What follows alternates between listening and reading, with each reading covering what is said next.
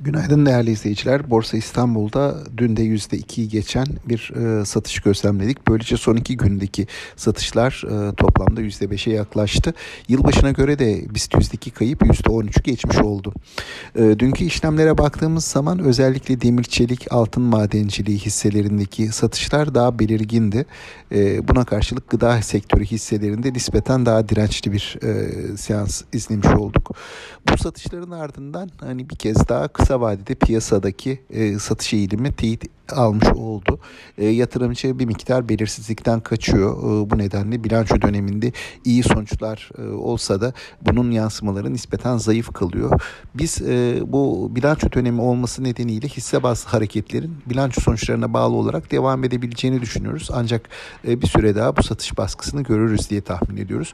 Bugün piyasada temkinli bir açılış bekliyoruz. Sağlıklı, bol ve bereketli kazançlı günler dilerim.